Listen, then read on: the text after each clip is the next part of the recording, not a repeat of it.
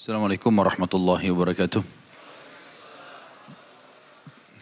Alhamdulillah. Wassalatu wassalamu ala rasulillah. Segala puji dan puja kehadirat Allah subhanahu wa ta'ala juga salawat dan taslim kepada Nabi besar Muhammad sallallahu alaihi wa sahbihi wasallam. Lanjutkan pada buku kita Kitab Minhajul Muslim ditulis oleh Syekh Abu Bakar Jazair rahimahullah dan masih di bab haji dan umrah. Setelah kita menjelaskan materi ketiga, masalah anjuran melaksanakan ibadah haji dan umrah serta ancaman bagi orang yang meninggalkan, kita cukupkan dengan hadis Nabi SAW yang luar biasa, Al-Hajj mabrur laisa lahu jaza illa al-jannah. Tidak ada balasan yang paling pantas untuk haji yang mabrur, yang mengikuti rukun dan syaratnya, kecuali surga. Juga sabda Nabi SAW, Orang yang tidak tertahan oleh kebutuhan yang mendesak atau sakit yang menghalangi atau larangan dari penguasa yang zalim. Tapi ia tidak melaksanakan haji, hendaklah ia mati jika mau ia dalam keadaan Yahudi atau dalam keadaan Nasrani. Juga Ali bin Abi Thalib mengingatkan radhiyallahu anhu, orang yang mempunyai bekal dan kendaraan yang bisa mengantarkannya ke Baitullah. Tetapi ia tidak melaksanakan haji, maka tidak apa-apa baginya untuk meninggal dunia dalam keadaan Yahudi atau Nasrani. Atau seakan-akan difonis kekufuran di sini ya. Karena tidak melaksanakan ibadah haji sementara dia mampu ya. apalagi di sini kalau dia e, mengklaim atau mengatakan tidak ada ibadah haji itu. Kalau orang masih bermalas-malasan ada peringatan sebagian ulama bahwasanya dia ditakzir diingatkan.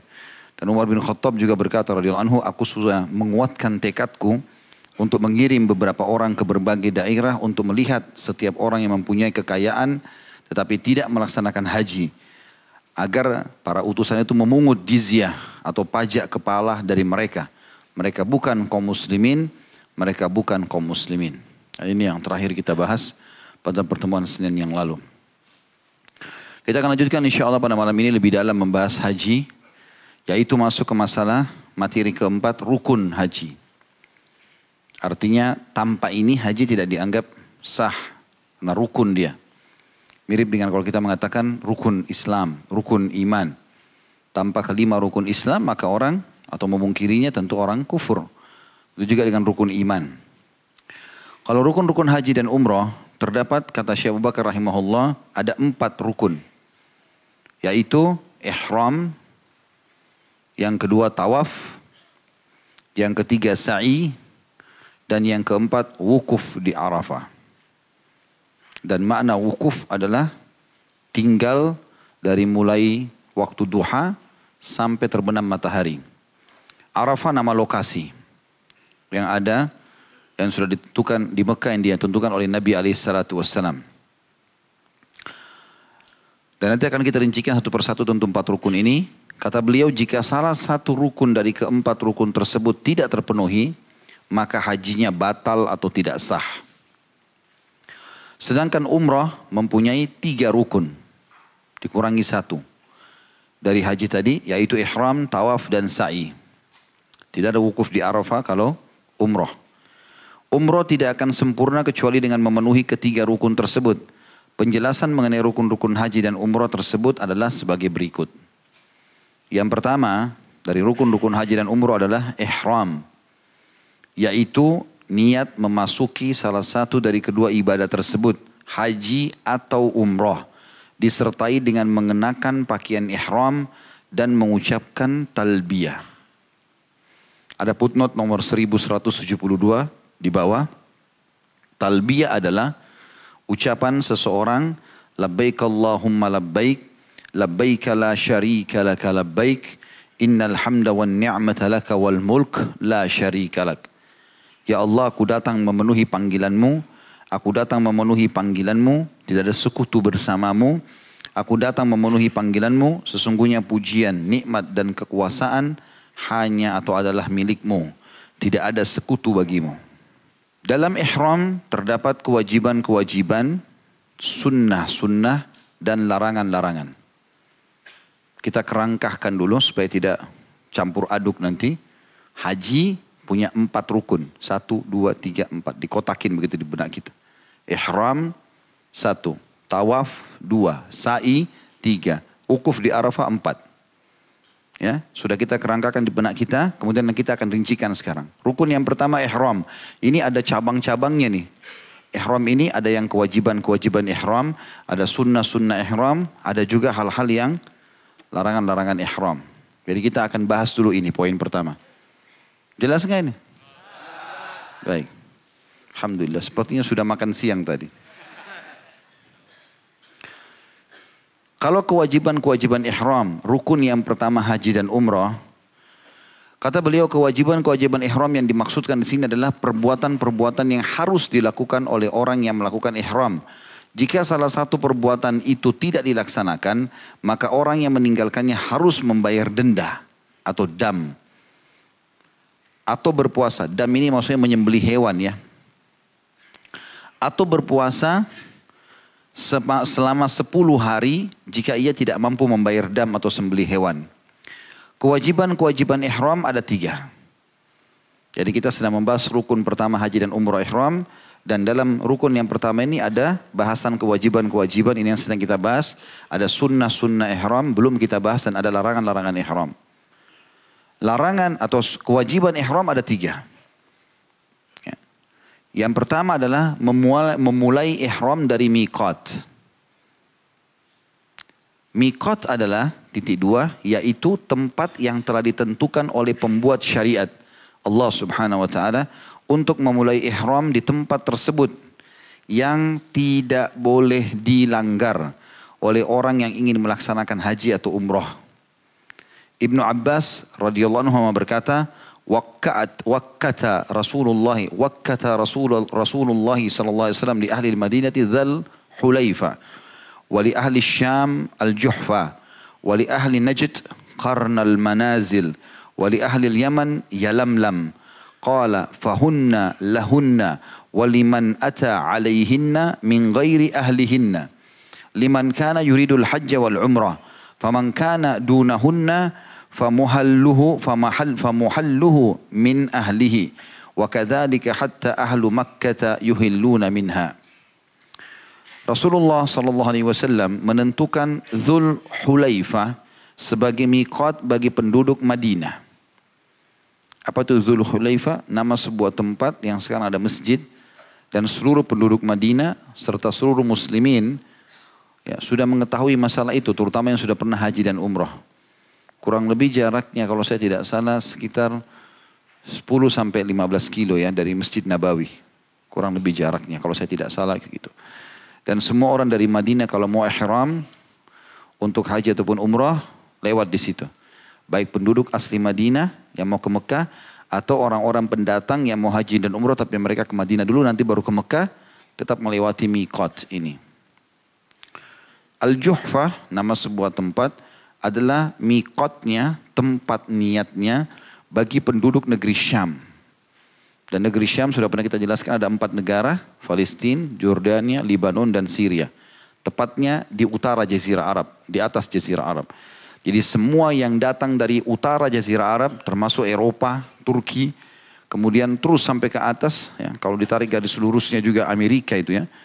Kalau agak miring sedikit ke arah baratnya, maka itu kalau garis lurus itu akan ke Amerika. Semua kalau mau masuk ke Saudi, ya, mau umroh atau haji, mereka melewati Juhfa ini. Kebanyakan melewati Juhfa atau negeri Syam. Kemudian Karnul Manazil sebagai mikot bagi penduduk Najd. Najd wilayah timur Jazirah Arab ya. Irak, Iran, semua itu Rusia, mereka lewat situ. Ya. Kemudian Yalamlam sebagai mikot bagi penduduk Yaman. Yalamlam di selatan Jazirah Arab. Jadi kalau kita petakin misalnya handphone ini adalah Jazirah Arab ya. Dan kita ibaratkan ada Mekah di sisi dekat Laut Mati. Ya, kalau kita lihat petah itu, Laut Mati, eh, maaf, Laut Merah, Laut Merah, Jeddah, di sebelahnya ada Mekah. Madinah lebih di atas, ke utara Jazirah Arab. Ya. Yaman, daerah bawah selatan namanya Yaman. Timur itu Irak dan Iran. Ya, kalau baratnya itu Afrika. Ini Jazirah Arab. Kurang lebih pemetakannya. Khusus untuk penduduk dari yang berasal dari Afrika, ya dari Mesir, dari segala macam, mereka mikotnya di kota Madinah, di Zil Khilafah tadi. Ya. Semua yang utara Jazirah Arab, negeri Syam, Eropa, dari saya bilang sampai ke atas Amerika, kalau mau masuk ke sini lewatnya Juhfa tadi. Ya, mikotnya penduduk negeri Syam. Kemudian semua yang dari timur, ya ini Irak, Iran, Rusia, Afghanistan, Pakistan, Cina, Jepang, semua ini kalau mau masuk mereka lewati Karnul Manazil. Daerah selatan Yalamlam, semua Asia Tenggara termasuk Australia, kita semua dari Asia kalau mau masuk maka kita lewati Mikot Yalamlam, daerah selatan. Jelas nggak ini? Allahu alam. Kita terima saja. Baik. Jadi dari seluruh penjuru jazirah Arab itu dikepung dengan atau ada mikot-mikot. Dari utara ada, dari timur ada, dari e, barat ada, dari selatan ada. Jadi dari seluruh dunia kalau orang mau masuk itu bisa melewati mikot-mikot ini. Kata beliau, mikot-mikot ini untuk penduduk-penduduk kota tersebut, dan untuk orang dari luar daerah tersebut yang melewatinya dari kalangan orang-orang yang ingin berhaji dan berumroh. Sedangkan penduduk yang tempat tinggalnya lebih dekat daripada mikot-mikot tersebut maka tempat berihlalnya mengucapkan talbiyah dengan berniat beribadah baginya adalah tempat tinggalnya sendiri. Demikian pula halnya bagi penduduk Mekah. Mereka mulai berihlal dari mikot-mikot tersebut. Hadis ini riwayat Bukhari nomor 1526. Ya. Jadi ini yang pertama tentang masalah mikot. Yang kedua kewajibannya kan ada tiga kewajiban ihram Ya, jadi tentu ini sekaligus kami ingatkan, kalau teman-teman dari Indonesia jalurnya mau umroh atau haji, masuk langsung mau masuk ke Mekah, banyak travel begitu. Mereka turun di Jeddah langsung masuk ke Mekah. Maka kalau kita mengikuti apa yang disampaikan oleh Syekh Abu Bakar Jazair rahimahullah tentang kewajiban ihram, antum nggak bisa melewati mikot nanti pakai ihram di bandara. Ihramnya adalah di atas pesawat. Dan kalau Saudi Airline biasanya atau pesawat-pesawat Timur Tengah biasanya atau pesawat-pesawat negara Arab, mereka berpegang pada pendapat ini. Sehingga pada saat di atas 15 menit sebelum landing di Jeddah akan diiklankan, termasuk dalam bahasa Indonesia. Siapa pun ya Bapak Ibu yang mau berihram, maka setengah jam lagi kita akan lewati Mikot Yalamlam. Pas di atas Yalamlam juga dikatakan, kita sekarang melewati Yalamlam. Bagi anda yang mau niat haji atau umroh silahkan. Seperti itulah. Ya. Maka ini yang dimaksud tadi dengan uh, memulai ihram dari mikot. Ya. Makanya saya kalau bimbing haji itu umroh saya sudah ingatkan jemaah. Nanti kan kita bahas ada sunnah-sunnah ihram. Seperti mandi, potong kuku, cukur bulu ketiak, cukur bulu kemaluan. ya Cukur kumis bagi laki-laki. Ini termasuk sunnah-sunnah. Nanti kan kita bahas sunnah-sunnah. Itu kalau kita jalurnya Jakarta, Jeddah, langsung Mekah. Maka semua sunnah-sunnahnya dikerjakan di Jakarta. Sudah potong kuku, sudah cukur kemalu, bulu kemaluan, bulu ketiak, semua sudah dilakukan. Nanti ihramnya disiapkan di tas kecil yang dibawa ke pesawat. Karena perjalanan lumayan ke jeda 9 jam kalau dari Jakarta misalnya. Maka nanti tinggal sejam, dua jam sebelum turun, baru masuk kamar mandi cuma ganti ihram saja. Ganti baju ke ihram. Kalau ibu-ibu tentu sudah boleh pakai baju itu dari Indonesia ya. Kalau bapak-bapak pakai ihram dari Indonesia mungkin agak berat kadang-kadang karena cuma dua lembar kain. Jadi dia pakai baju biasa dulu nanti insya Allah di pesawat baru diganti. Kemudian yang kedua kewajibannya tidak menggunakan pakaian yang berjahit. Orang yang berihram dilarang mengenakan baju, gamis atau mantel. Ia dilarang mengenakan sorban. Ia dilarang pula mengenakan sorban. Maksud dalamnya kopiah. Dan tidak boleh menutup kepalanya dengan apa pun. Dan ini berlaku bagi laki-laki. Bagi perempuan harus lengkap. Jilbab ya dari kepalanya sampai ke kaos kakinya. Ini bagi laki-laki, kalau dia sudah kenakan kain ihram cuma dua lembar kain dan syaratnya tidak boleh berjahit. Makanya semua kain ihram itu disulam. Ya, tidak ada jahitan. Termasuk tidak boleh pakai sorban atau pakai kopiah ya. Dan ini berlaku kalau sudah lewat mikot.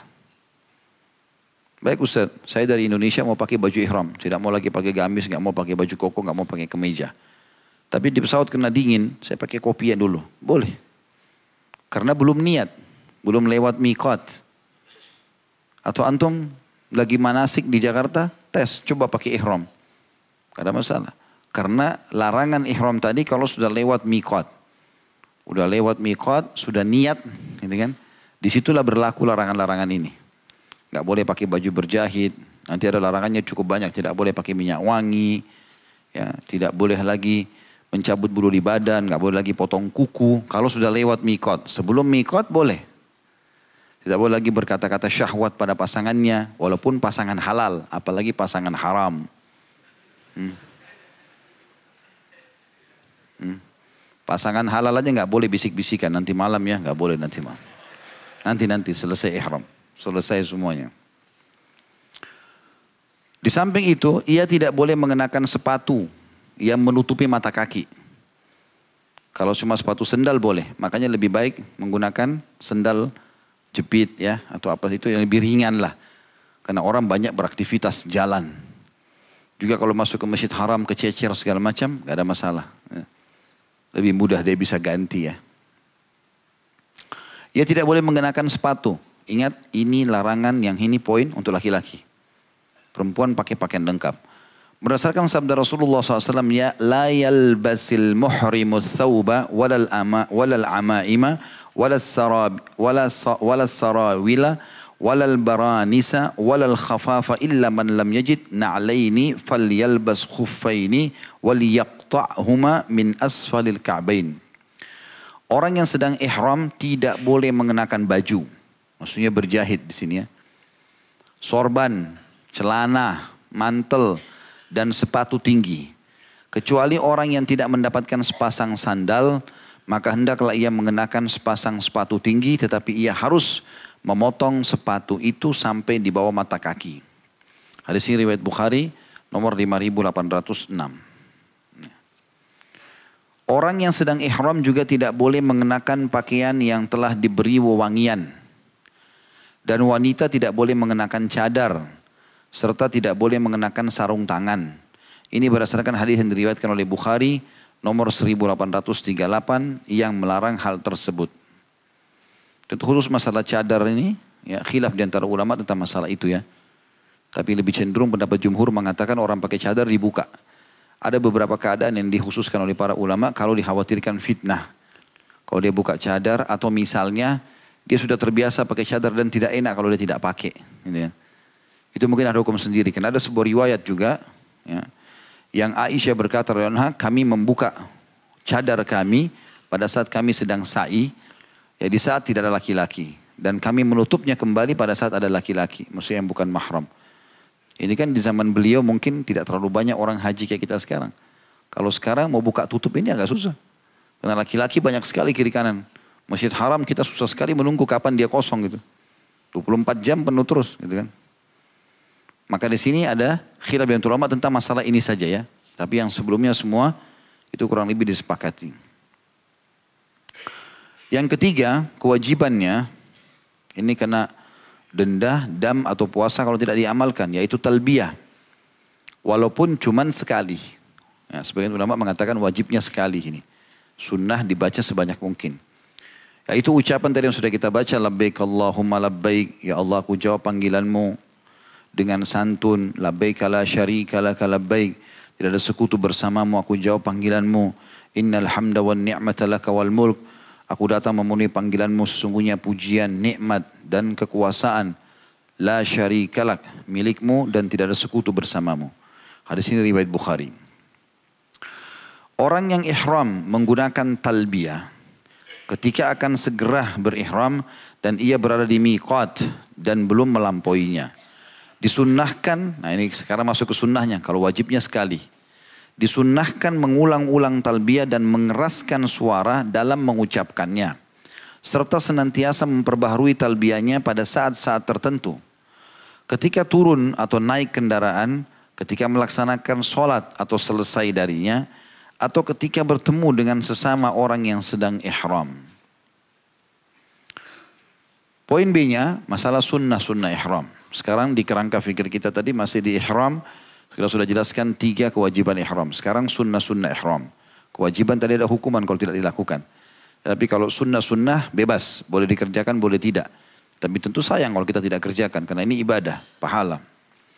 Sunnah-sunnah ihram adalah perbuatan-perbuatan yang jika ditinggalkan oleh orang sedang melakukan ihram, maka ia tidak ada kewajiban atasnya untuk membayar dam atau sembelihan.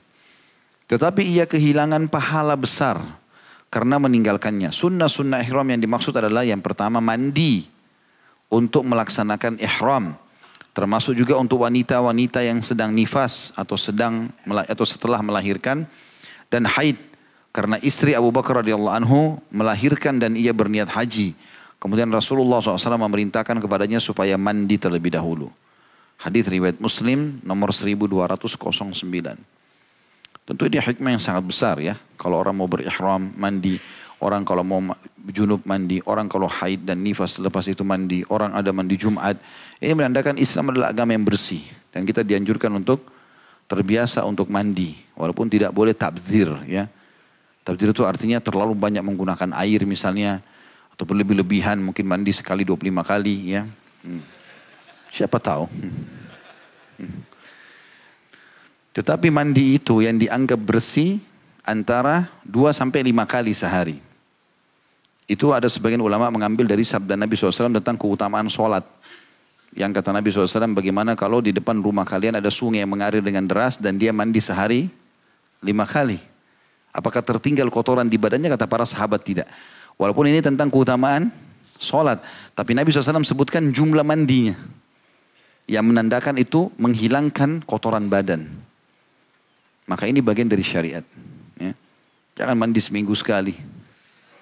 Ada orang begitu tunggu Jumat baru mandi.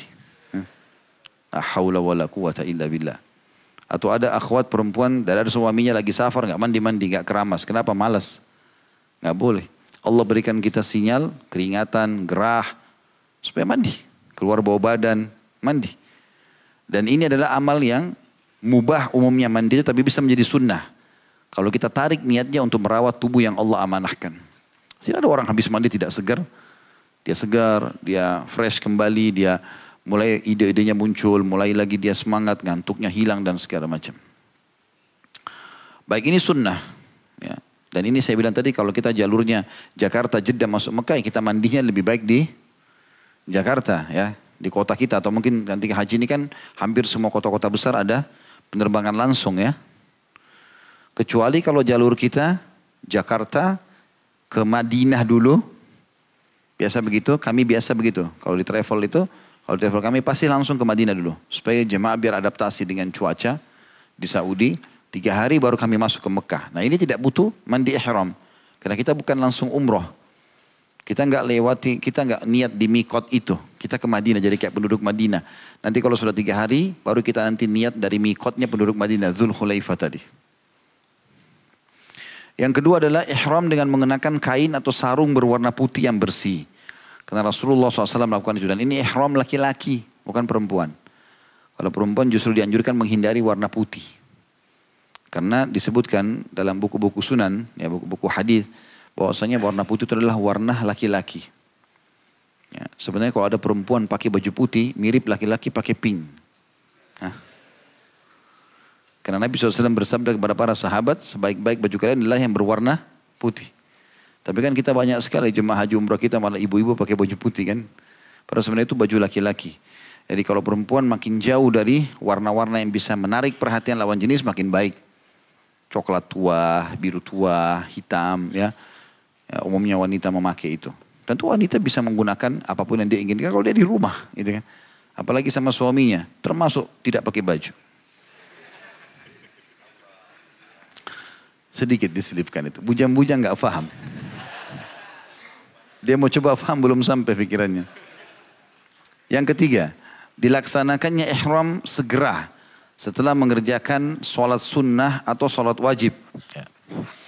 Ini termasuk sunnah. Kemudian tentu yang dimaksud ini sholat sunnah atau sholat wajib adalah sholat apa saja yang kita kerjakan. Yang keempat, memotong kuku, mencukur kumis, mencabut bulu ketiak, dan mencukur rambut di sekitar kemaluan sebelum masuk ihram.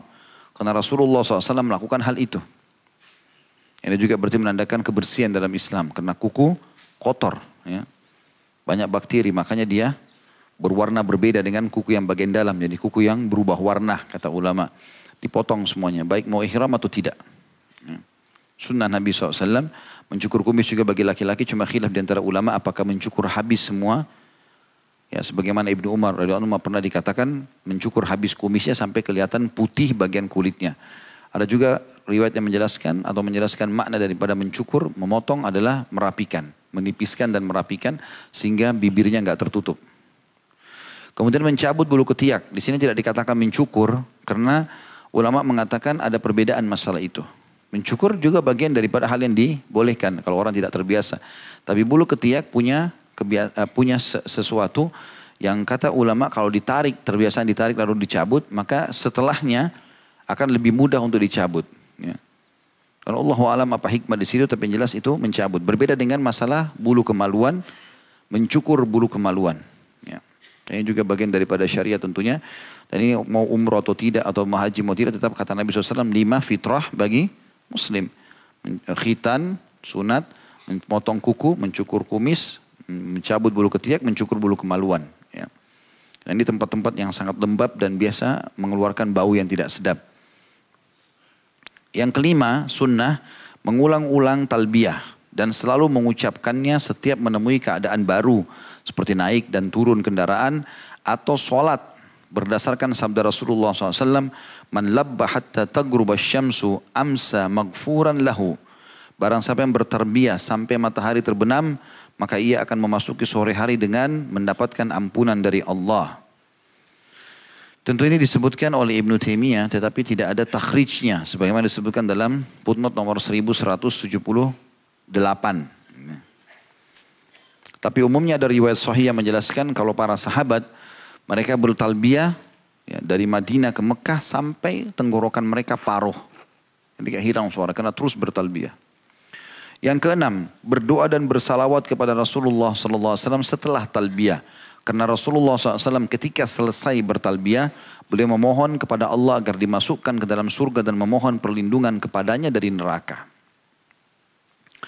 Ini disebutkan Imam Syafi'i dalam musnad beliau jadi satu halaman 123 dan Ad-Darul Qutni jadi dua halaman 238. Ini kurang lebih enam sunnah-sunnah ihram. Kita kembali ke kerangka fikir kita tadi kita masih bahas dari empat rukun haji, rukun yang pertama ihram. Kita sudah jelaskan cabangnya subbahasannya, kewajiban haji sudah kita jelaskan tadi ada tiga. Kemudian sunnah, sunnah ihram yang baru kita bahas enam. Dan kita akan masuk sekarang ke larangan-larangan ihram. Larangan-larangan ihram adalah perbuatan-perbuatan yang tidak boleh dikerjakan oleh orang yang sedang ihram dan perbuatan-perbuatan yang jika dilakukan oleh seorang mukmin maka ia wajib membayar dam atau puasa atau memberi makan orang miskin. Larangan-larangan ihram yang dimaksud adalah yang pertama menutup kepala dengan penutup apa pun. Tentu di sini setelah melewati mikot dan niat. Sebelum mikot, tadi saya sudah kasih contoh, masih bisa orang tutup kepala. Tapi setelah niat dan lewati mikot, semua laki-laki walaupun panas, walaupun dingin tidak boleh dia tarik ihramnya ditutup kepalanya. Atau pakai kopiah, ini nggak boleh. Ini subhanallah sudah sering diingatkan. Setiap manasik saya yakin akan menyampaikan. Kalau kami di manasik pasti menyampaikan masalah ini. Tapi masih ada saja jemaah yang pakai. Ya. Kalau dia lupa nggak ada masalah. Tidak sengaja. Tapi kalau sengaja dan sudah tahu tidak boleh. Kena dam ini. Ya, kadang-kadang saya godain bapak-bapak. Ini kalau yang melanggar-melanggar bilang ya. Supaya kita rame-rame makan kambing. Kan enak dia sembeli kambing kita yang makan. Nah. Yang kedua mencukur rambut atau memotongnya walaupun sedikit. Baik rambut kepala maupun rambut lainnya. Jadi nggak boleh sama sekali mencabut bulu apa pun. Ya. Baik itu bulu tangan, rambut, di badan semua tidak boleh. Setelah lewat mikot dan niat ini. Kalau sebelumnya tadi, perhatikan kita kembali ke enam sunnah. Termasuk sunnah Nabi, sebelum niat, potong kuku, cukur kumis, cukur bulu ketiak, kan cabut bulu ketiak dan seterusnya. Itu kan berarti boleh. Tapi kalau sudah lewat mikot niat, nggak boleh lagi. Yang keempat, menyentuh wewangian. Maaf, yang ketiga dulu, memotong kuku. Baik kuku tangan maupun kuku kaki. Ini setelah niat. Sebelum niat termasuk sunnah. Yang keempat, menyentuh wewangian. Apalagi semprot parfum. Pakai sabun atau sampo yang wangi. Ya. Tapi perlu digarisbawahi di sini teman-teman. Saya sering ingatkan jemaah kami begitu. Kalau kita sedang menuju ke Mekah dari Indonesia misalnya. Dan kita ihramnya di pesawat tadi saya kasih contoh kan. Itu tidak harus dalam keadaan beruduk ya. Boleh nggak uduk. Yang penting jangan pakai wangi-wangian. Jadi pakai ihram dalam kondisi tidak beruduk pun tidak masalah. Dulu di pesawat kemudian kita niat. Mulailah kita bertalbiah. Nanti masuk ke Mekah. Biasanya travel-travel itu begitu tiba di Mekah diberikan dulu jemaahnya kunci hotel. Silakan Bapak Ibu perbaharui uduknya lagi, urusan kamar mandi diselesaikan, kami tunggu sejam lagi di lobi hotel misalnya. Baru sama-sama rame-rame masuk ke Masjid Haram. Itu yang umumnya terjadi ya. Nah di sini kalau antum masuk ke dalam hotel di Mekah untuk melakukan proses bersuci lagi, buang air besar, buang air kecil, wudhu, mungkin mau mandi segarkan badan, boleh. Yang penting jangan sentuh wangi-wangian. Tidak boleh pakai sabun lagi, nggak boleh pakai sampo. Harus dihindari. Tisu basah yang wangi, ya harus dihindari semua. Tapi air saja boleh. Kemudian yang kelima, mengenakan pakaian yang berjahit dalam bentuk apa pun. Ini larangan bagi laki-laki. Yang keenam, membunuh binatang buruan.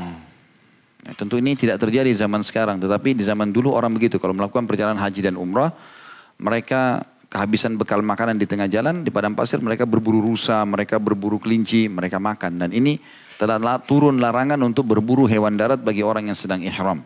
Sebagaimana firman Allah Ta'ala dalam surah Al-Ma'idah ayat 95, A'udhu billahi rajim, Ya ayuhalladzina amanu la taqtulus sayda wa antum hurum. Al-ayah, hai orang-orang beriman, janganlah kalian membunuh binatang buruan ketika kalian sedang ihram.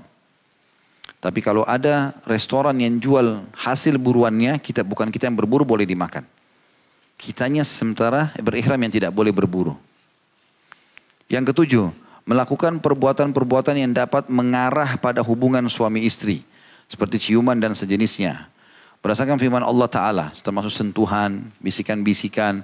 Ya, boleh duduk bersebelahan, boleh ngobrol, boleh bergandengan pada saat tawaf, tapi tidak boleh mengarah ke sana. Ya. Maka ini hati-hati bagi pengantin baru. Ya. Surah Al-Baqarah 197. A'udhu billahi minasyaitan rajim fala rafatha wala fusuka wala jidala fil hajj. Tidak boleh ada rafath. Kalimat-kalimat yang mengundang syahwat. Tidak boleh ada fusuk atau fasik. Perbuatan kejahatan. Dan tidak boleh berbantah-bantahan dalam masa mengerjakan haji. Yang dimaksud dengan rafath pada ayat ini adalah dapat diartikan sebagai perbuatan-perbuatan yang dapat mengarah pada hubungan suami istri. Yang kedelapan, melakukan akad nikah atau melamar. Berdasarkan sabda Rasulullah SAW, La yankihul muhrimu, wa la yunkihu, wa la yakhtub. Orang yang sedang ihram tidak boleh menikah, tidak boleh pula menikahkan, serta tidak boleh melamar. Hadis ini riwayat Muslim nomor 1409. Misalnya contoh kasus, kita lagi pergi umroh atau haji, misal suami istri, dia punya anak gadis Indonesia, dia ingin dapat jodoh yang orang soleh. Ternyata di travel ada satu pendaftar masih bujang, soleh. Lihat sama kedua orang tua ini, baik benar anak ini. Sementara pakai ihram lagi menuju ke Mekah. Nggak boleh si ayah ini pergi melamar laki-laki itu. Misalnya dia mengatakan, nak sudah menikah belum? Belum. Ada anak saya gadis saya, mau nikah nggak? Ini negosiasi ini nggak boleh. Kau lagi ihram. Nanti setelah ihram silakan. Karena melaksanakan Tiga hal ini, ya, tiga rukun umroh, tentu haji empat. Kalau umroh cuma tiga, tawaf, sa'i, eh, apa namanya, tawaf, ihram, tawaf dan sa'i. Maka kalau ini selesai, maka dianggap selesai. Kalau rukunnya ya, tapi kalau nanti ditambah dengan tahallul mencukur rambut, maka semua sudah boleh. Dia, ganti, dia cukur rambutnya, dia ganti bajunya, maka sudah boleh semuanya. Larangan hanya berlaku selama ihram saja. Yang kesembilan melakukan hubungan suami istri. Berdasarkan firman Allah Ta'ala. Al-Baqarah 197. A'udhu billahi minasyaitan rajim. Fala rafatha wala fusuka wala jidala fil hajj. Maka tidak boleh rafath, tidak boleh berbuat fasik, tidak boleh berbantah-bantahan dalam masa mengerjakan haji. Kata rafath di sini mencakup pula hubungan suami istri dan perbuatan-perbuatan yang dapat mengarah padanya. Sekarang kita masuk masalah hukum larangan-larangan ihram tersebut. Kalau ada yang melanggar bagaimana? Hukum-hukum larangan tadi yang kurang lebih ada sembilan larangan ya. Hukum-hukum larangan-larangan ihram sebagaimana disebutkan di atas ya adalah kelima larangan pertama. Tadi lima larangan pertama yaitu menutup kepala bagi orang sudah lewat mikot dan laki-laki kayak pakai kopi atau surban, mencukur rambut dan memotong memotong bagian bulu dari badan. Yang kedua, yang ketiga memotong kuku, kaki atau tangan. Yang keempat menyentuh wangian. Yang kelima mengenakan pakaian yang berjahit dalam bentuk apa pun. Kelima ini, kata Syekh Abu Bakar rahimahullah, hukum larangan-larangan ihram sebagaimana disebutkan di atas adalah kelima larangan pertama, orang yang melakukan salah satu darinya, maka ia wajib membayar fidyah. Yaitu puasa tiga hari atau memberi makan enam orang miskin yang masing-masing mendapatkan satu mut atau ukuran 544 gram gandum atau menyembelih seekor kambing. Hal ini berdasarkan firman Allah Ta'ala dalam Al-Baqarah 196. أعوذ بالله من الشيطان الرجيم فمن كان منكم مريضا أو به أذى من رأسه ففدية من صيام أو صدقة أو نسك الآية Jika ada di antara kalian yang sakit atau ada gangguan di kepalanya lalu ia bercukur, maka wajiblah atasnya berfidyah, yaitu berpuasa atau bersedekah atau berkurban. Nah, ini kalau seandainya ada yang melanggar satu dari tiga ini. Ya. Adapun orang yang membunuh binatang buruan, larangan yang keenam, maka ia harus menggantinya dengan binatang ternak sesuai dengan binatang yang dibunuhnya. Maksudnya secara ukuran. Di situ ada footnote tulisan yang pada saat ditulis menggantinya dengan binatang ternak. Footnote nomor 1181. Binatang ternak adalah yang dimaksud ada tiga jenis, unta, sapi, dan kambing. Jadi kalau seandainya ada orang berburu rusa misalnya, ini contoh saja. Maka yang paling dekat dengan ukuran rusa dari tiga hewan, unta, sapi dan kambing, yang mana? Kambing, berarti dia berkurban kambing. Kalau dia berburu misalnya kuda zebra, misal, maka yang paling dekat adalah sapi. Kalau dia berbulu jerapah, misal, maka unta. Nah, iya, itu kan boleh dimakan halal, tidak bertaring kan? Tapi mungkin tidak ada yang makan karena binatangnya jarang kalau di Indonesia. Kalau di Afrika banyak. Hmm. Jadi itu yang dimaksud sini, adapun orang-orang yang membunuh binatang buruan, maka ia harus menggantinya dengan salah satu dari tiga binatang ternak, tergantung dari kadar ukuran hewan yang dia berburu sebagai hukumannya.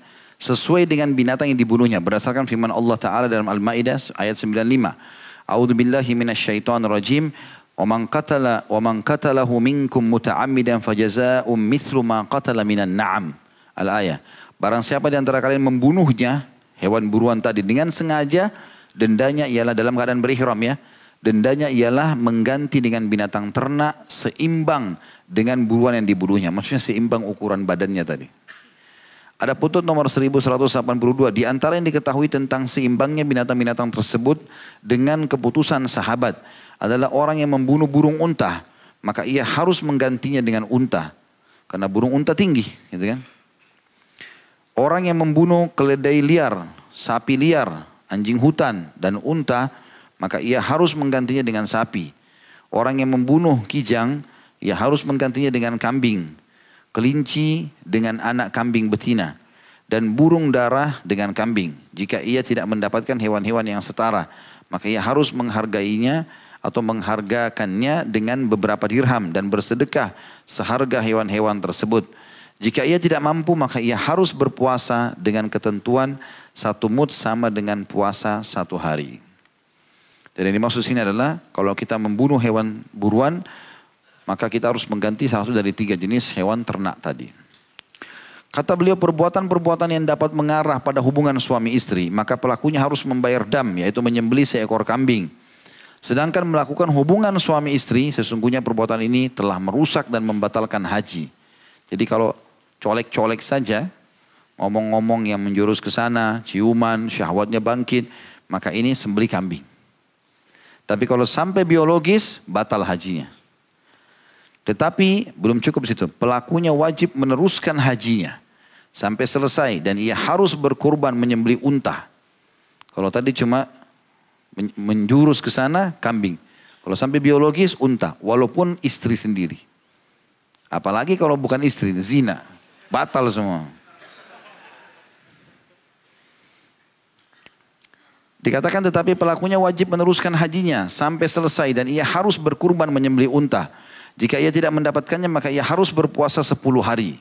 Dan ia harus mengulangi atau mengkodok hajinya pada tahun yang lain. Ketentuan ini berdasarkan riwayat Malik dalam kitab Al-Muwatta. Di situ ada putut nomor 1183 dalam kitabul hajj bab hajjul muhrim idza asbaha ahlahu. Atau idza asaba, maaf, idza asaba ahlahu. Jadi kitab haji dalam kitab Muwatta Imam Malik bab uh, denda atau sembelihan bagi orang yang sedang berihram yang menggauli istrinya bahwa Umar bin Khattab, Ali bin Abi Talib, dan Abu Hurairah radhiyallahu anhu majma'in pernah ditanya seseorang tentang seorang suami yang menggauli istrinya ketika ia melakukan ihram untuk haji. Mereka menjawab bahwa pasangan suami istri tersebut harus meneruskan hajinya sampai keduanya menyelesaikan hajinya. Kemudian keduanya harus melaksanakan haji pada tahun yang akan datang. Dan wajib hadyu. Hadyu maksudnya berkorban. Berkurban, yaitu berkurban. Mengenai akad nikah, melamar dan semua dosa seperti menggunjing, mengadu domba dan seluruh perbuatan yang termasuk dalam kategori fasik, maka pelakunya harus bertobat dan beristighfar karena tidak ada dalil dari pembuat syariat yang mewajibkan kafar atau denda atasnya kecuali bertobat dan beristighfar. Jadi ini rukun yang pertama, ihram. Ya.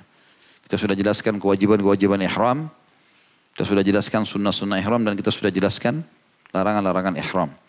Kita masuk sekarang ke masalah ya, rukun yang kedua tawaf. Ya. Tawaf adalah mengelilingi Ka'bah sebanyak tujuh putaran. Tawaf mempunyai syarat-syarat, sunnah-sunnah, dan tata keramanya yang keabsahannya terletak pada perkara-perkara tersebut. Jadi kita sekarang pindah ke rukun yang kedua. Kan tadi haji ada empat ya. Ihram, kemudian tawaf, sa'i dan juga wukuf di Arafah. Sekarang kita masuk ke yang kedua, tawaf. Syarat-syarat tawaf yang pertama adalah niat. Ketika akan melakukan tawaf. Karena seluruh perbuatan tergantung atau bergantung pada niatnya. Oleh karena itu, bagi orang yang akan tawaf, ia harus berniat tawaf. Walau yaitu maaf, yaitu meneguhkan hati untuk melakukan tawaf untuk beribadah kepada Allah Ta'ala dan taat kepadanya. Yang kedua, tentunya dalam hati saja kalau akan tawaf. Yang kedua, suci dari kotoran dan hadas. Maksudnya dia suci, semua bajunya suci, badannya suci dan dalam keadaan beruduk. Berdasarkan khabar atau sebuah riwayat dan riwayatkan Tirmidzi hadis nomor 960 yang menyebutkan bahwa tawaf di sekeliling Ka'bah adalah seperti sholat. Jadi kalau batal wudhu harus kembali tawaf lagi. Uh, wudhu kemudian perbarui wudhu lalu kemudian kembali lagi tawaf. Jadi berbeda dengan sa'i nanti akan kita jelaskan. Kalau sa'i hukumnya tidak wajib uduk. Kalau batal boleh lanjutkan sa'i. Kalau tawaf tidak boleh.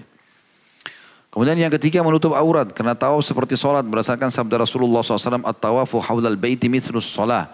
Illa annakum tatakallamuna fi. Paman takallama fala yatakallamu illa bi khair. Tawaf di sekeliling Baitullah adalah seperti solat. Hanya saja kalian boleh berbicara di dalamnya atau sementara tawaf. Maka orang yang berbicara hendaklah ia tidak berbicara kecuali mengenai kebaikan saja. Hadis ini riwayat Tirmidzi di nomor 960. Oleh karena itu, orang yang tawaf tanpa niat atau tawaf dalam keadaan hadas, tidak dalam keadaan uduk, atau terdapat najis padanya, atau tawaf dengan membuka aurat, maka tawafnya batal dan ia wajib mengulanginya. Yang keempat, tawaf harus dilakukan di dalam Baitullah atau di sekitar Ka'bah. Yaitu di dalam Masjidil Haram walaupun jauh dari Ka'bah. Yang kelima, Ka'bah harus berada di sebelah kiri orang yang melakukan tawaf. Jadi kita melawan arus jam. Kalau jam ke kanan, ini kita ke kiri. Ka'bah di sebelah kiri kita. Kemudian yang keenam, tawaf dilakukan sebanyak tujuh kali putaran. Dimulai dari Hajar Aswad dan diakhiri di Hajar Aswad pula. Karena Rasulullah SAW melakukan demikian. Sebagaimana diriwayatkan dalam hadis yang sahih. Jadi dianggap sah satu kali putaran kalau kita mulai di Hajar Aswad. Hajar Aswad depan kita, maka kita mengatakan Bismillahi Allahu Akbar atau kita mulai mencium Hajar Aswad lalu kita mulai tawaf. Putar sampai ke tempat Hajar Aswad lagi, baru dianggap satu. Putar lagi, Hajar Aswad ke Hajar Aswad baru dua, seterusnya. Dan setiap tawaf ini tentu ini bersambung. Kalau mau sempurna bersambung tujuh kali. Tapi setiap tawaf berdiri secara hukum sendiri dalam membahas atau dalam bahasan bab suci. Jadi misalnya kita kalau mau supaya sempurna tawaf kita yang merupakan rukun haji dan umrah ini, kita harus tujuh kali tawaf itu. Tetapi kalau misalnya orang baru tawaf tiga kali, pas dia jalan tawaf yang keempat, batal wudhunya. Misal keluar angin segala macam, atau dia kebelet ingin buang besar, buang kecil, maka di sini yang batal hanya tawaf yang keempat, yang baru dia mulai berapa langkah. Satu, dua, tiga sah. Kan beda, itu bedanya sama sholat. Karena kalau sholat, salah satu dari misalnya kita sholat isya tadi empat rakaat, salah satunya kita batal uduk, batal semua kan. Kalau tawaf tidak seperti itu. Tujuh ini harus diselesaikan semua, kewajiban, rukun. Tetapi setiap secara substansial setiap tawaf berdiri sendiri dari sisi kesucian. Sehingga kalau kita wudhu kita balik lagi kita mulai dari hajar aswad cuma langsung niat untuk yang keempat, yang kelima. Dan ini tentu syaratnya tidak boleh terlalu lama. Jadi kalau antum pulang dulu ke kamar hotel baru tawaf dua kali, tidur dulu, makan dulu, maka harus ulangi dari awal. Kalau orang lakukan itu siapa tahu, gitu kan. Atau dia keluar dari masjid mau uduk, ngobrol sama temannya, ya, ketemu dari dari kampungnya, dari kotanya, tidak sangka ketemu di masjid haram, lalu ngobrol-ngobrol lama, maka ini tawafnya diulangi. Baik selanjutnya, yang ketujuh. Ketujuh putaran tawaf harus dilakukan secara berturut-turut tidak terputus kecuali jika ada kebutuhan yang mendesak atau darurat. Putaran tawaf yang dilakukan tanpa berurutan bukan karena darurat maka tawafnya batal dan wajib diulangi. Tadi sudah saya kasih contoh itu. Poin B-nya itu tadi syarat-syarat tawaf. Poin B-nya sunnah-sunnah tawaf. Yang pertama ar-raml. Apa itu ar-raml? Yaitu lari-lari kecil. Disunnahkan bagi laki-laki dan tidak bagi perempuan. Ya, sekali lagi tidak bagi perempuan. Ada footnote di situ nomor 1185. Hadis riwayat Muslim nomor 1261. Meriwayatkan dari Ibnu Umar dan Umar bahwasanya Rasulullah SAW berlari dari kecil dari Hajar Aswad ke Hajar Aswad lagi. Sebanyak tiga kali putaran dan berjalan seperti biasa sebanyak empat kali putaran. Di sini dikatakan bahwasanya hakikat ramel, kita lanjutkan poin nomor satu di poin B-nya ya, sunnah-sunnah tawaf. Saya ulangi dari poin satunya, ar-ramal yaitu lari-lari kecil. Disunnahkan bagi laki-laki dan tidak bagi perempuan. Hakikat ar-ramal adalah bahwa orang yang melakukan tawaf mempercepat jalannya dengan mendekatkan jarak di antara langkah-langkahnya. Ar-ramal tidak disunnahkan kecuali pada tawaf kudum dan pada tiga putaran pertama saja. Yang dimaksud sini adalah sebenarnya di antara hikmahnya kata ulama, dengan adanya ramal ini bercepat bercepat dalam berjalan itu akan memudahkan tawaf selesai cepat dan orang lain bisa masuk. Tempat tawaf terbatas. Orang yang mau tawaf, Masya Allah, jutaan orang. Andai saja tidak ada syariat ini, maka orang berlambat-lambat. Orang jalan santai sekali. Gitu kan? Kecuali kalau memang dasarnya dia tua, dia nggak mampu. Tapi ini juga jangan difahami, ar-ramal ini dengan desak-desak orang. Ada orang juga tawaf seperti orang lomba lari. Lari sama temannya keliling gitu kan. Akhirnya orang jadi terganggu. Tapi memperjalan, mempercepat jalan ini adalah bagian daripada sunnah. Ya. Sebagian ulama juga mengambil kasus uh, ini dihubungkan dengan poin nomor dua. Saya hubungkan satu dengan dua ya. Al-ittiba ya, atau iya. Al-ittiba. Al-ittiba ini yaitu membuka pundak sebelah kanan. Al-ittiba ini tidak disunnahkan kecuali pada tawaf kudum saja. Dan khusus bagi laki-laki, tawaf kudum maksudnya tawaf yang dilakukan pertama kali datang ke Mekah. Ya. Dan khusus bagi laki-laki, bukan untuk perempuan. Dan berlaku pada ketujuh putaran tawaf tersebut. Jadi saya hubungkan antara poin pertama sama poin kedua. Berjalan lebih cepat dan tiba itu adalah memperlihatkan pundak sebelah kanan laki-laki.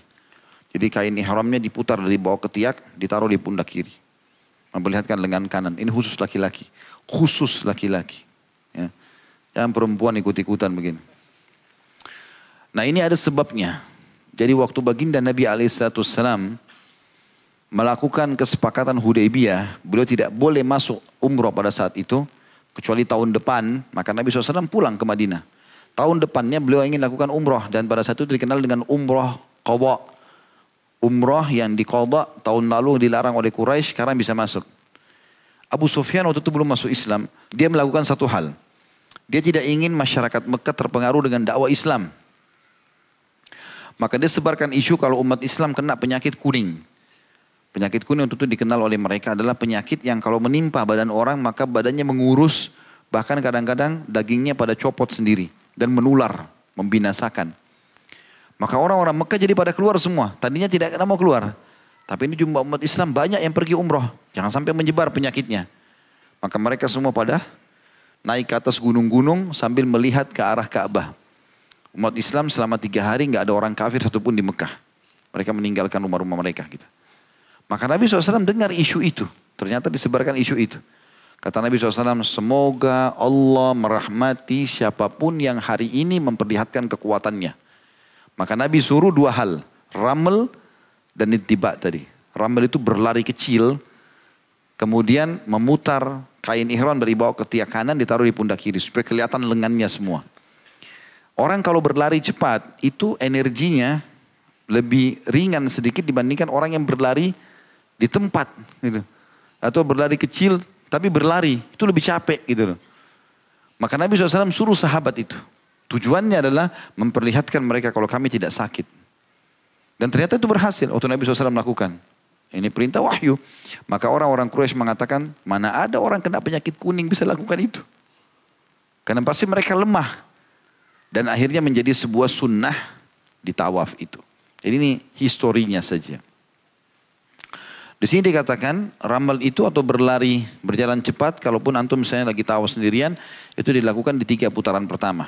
Empat putaran tersisa berjalan biasa. Tapi kalau ittiba yang memperlihatkan lengan kanan itu dari putaran pertama sampai putaran ketujuh. Yang ketiga sunnah ya, mencium hajar aswad ketika akan memulai tawaf jika hal itu memungkinkan garis bawahi ini. Saran saya tentunya bagi teman-teman yang sedang bergabung sama travel, jangan menyusahkan teman-teman travel, siapa pun mereka. Mereka saudara-saudara kita muslim.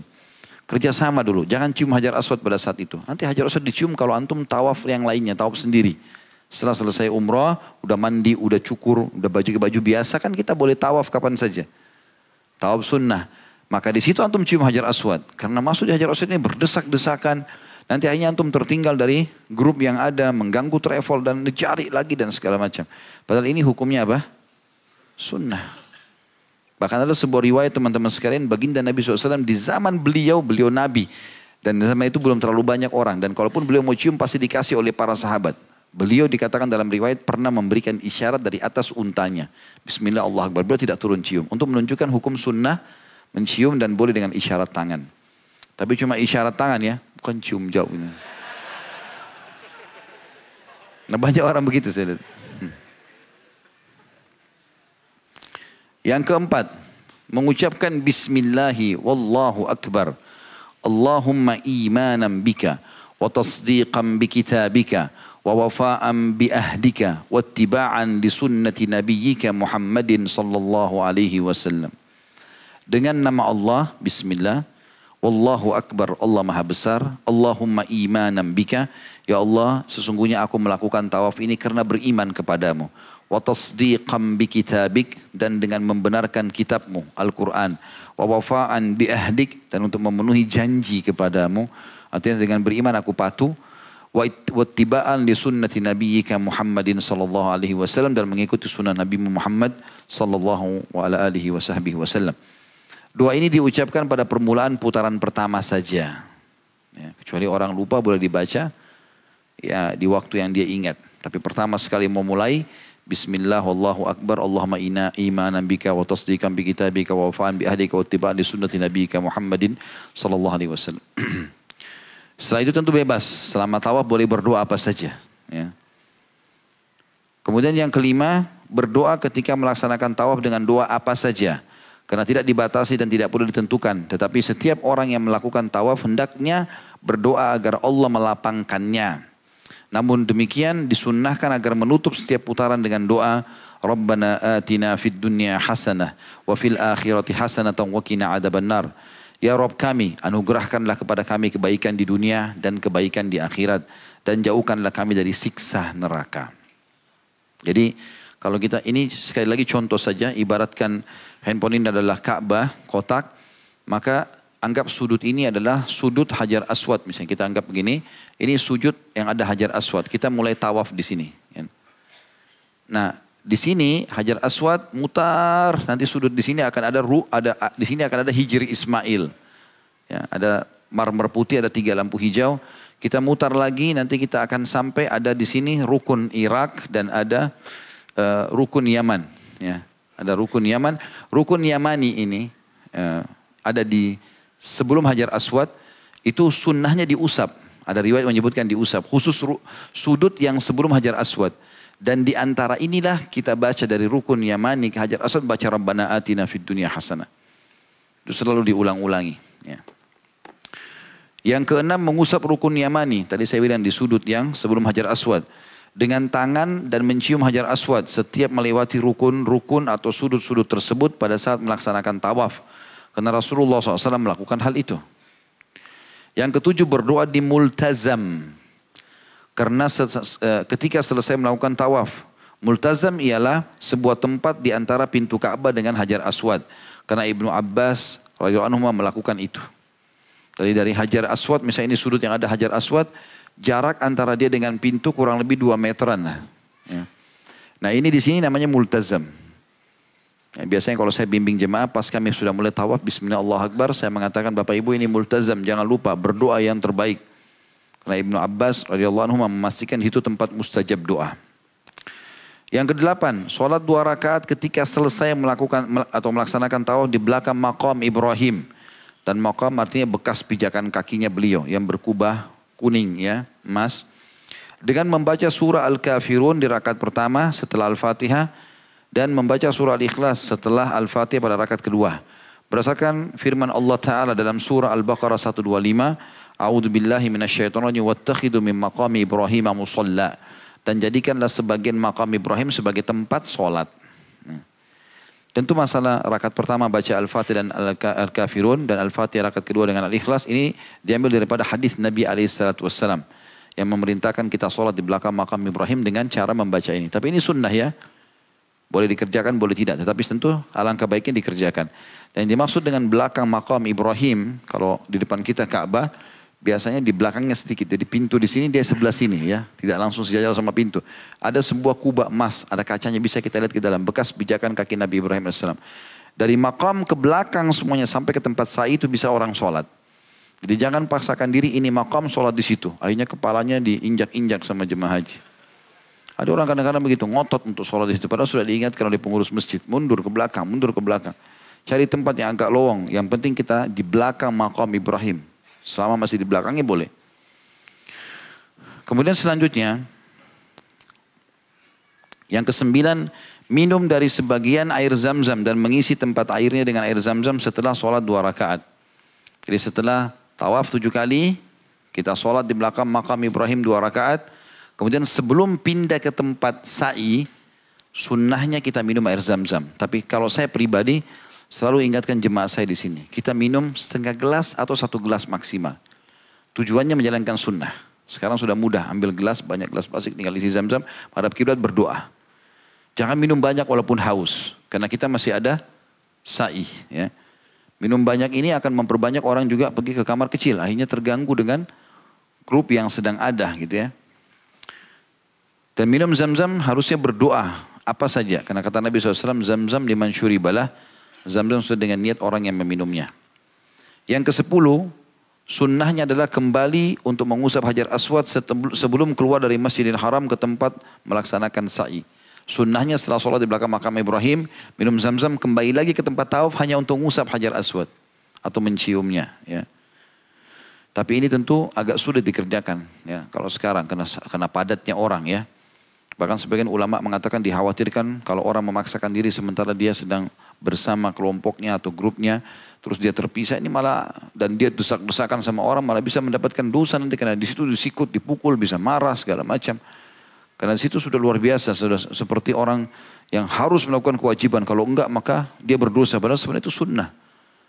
Kecuali kalau saya bilang tadi kita sudah tidak bersama dengan grup, kita sendiri pakai baju biasa, nanti keringatan segala macam, itu enggak ada masalah. Catatan di sini, dalil-dalil untuk semua sunnah tawaf di atas, ada sepuluh sunnah tawaf, adalah perbuatan Rasulullah SAW yang dijelaskan pada saat melaksanakan haji wada. Dan wada artinya perpisahan, haji perpisahan. Ya, haji perpisahan. Terakhir kita tutup dengan ini tentunya adab-adab tawaf. Poin C-nya. Tata kerama atau etika dalam tawaf adalah sebagai berikut. Yang pertama tawaf hendaknya dilakukan dengan khusyuk. Makna khusyuk konsentrasi. Tidak tergesa-gesa juga. Beda tadi dengan ramel berlari kecil atau lebih cepat dengan orang tergesa-gesa. Menghadirkan hati dan perasaan akan keagungan Allah Azza wa Jal serta takut kepadanya karena siksanya dan ingin mendapatkan apa yang ada di sisinya. N-nya semua kata ganti Allah. Di sisinya berarti sisi Allah SWT. Yang kedua, orang yang sedang melaksanakan tawaf hendaknya tidak berbicara kecuali yang sangat diperlukan. Dan jika berbicara pun hendaknya ia bicara dengan baik berdasarkan sabda Rasulullah SAW. Faman takallama fala yatakallamu illa bi khair. Barang siapa yang berbicara hendaklah ia tidak berbicara kecuali dengan yang baik saja. Hadis ini riwayat Tirmidzi nomor 960. Yang ketiga, tidak boleh menyakiti orang lain dengan perkataan maupun perbuatan karena menyakiti orang Islam merupakan sesuatu yang dilarang atau haram, apalagi hal itu dilakukan di Baitullah. Jadi kalau mau agak cepat pun, maka cepat sifatnya rambel. Yang berjalan cepat yang tidak mengganggu orang. Karena ada orang terlalu berlebihan, akhirnya dia menyambar orang sini, menyambar orang sana, pindahin sana, pindahin sini. Ini nggak boleh. Ya. Yang keempat orang yang melaksanakan tawaf hendaklah memperbanyak zikir, doa dan salawat kepada Rasulullah SAW. Tetapi ini dianjurkan tidak teriak-teriak.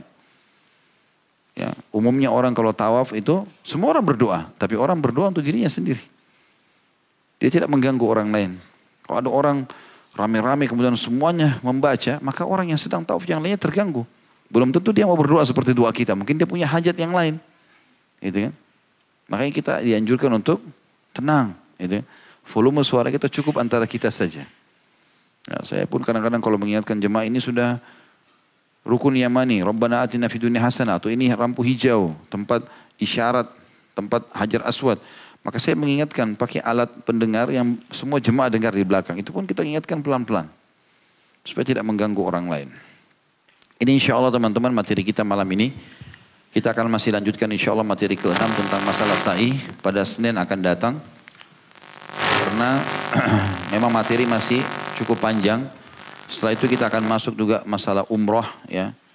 Dan juga ini materi yang juga butuh waktu yang cukup panjang. Insya Allah kita akan coba selesaikan insya Allah di bulan ini dengan izin Allah subhanahu wa ta'ala. Baik begitu saja insya Allah ini bahasan kita semua bermanfaat. Subhanakallah bihamdika. Syahadu an la ilaha illa anta astaghfiruka wa atubu ilaik. Wassalamualaikum warahmatullahi wabarakatuh.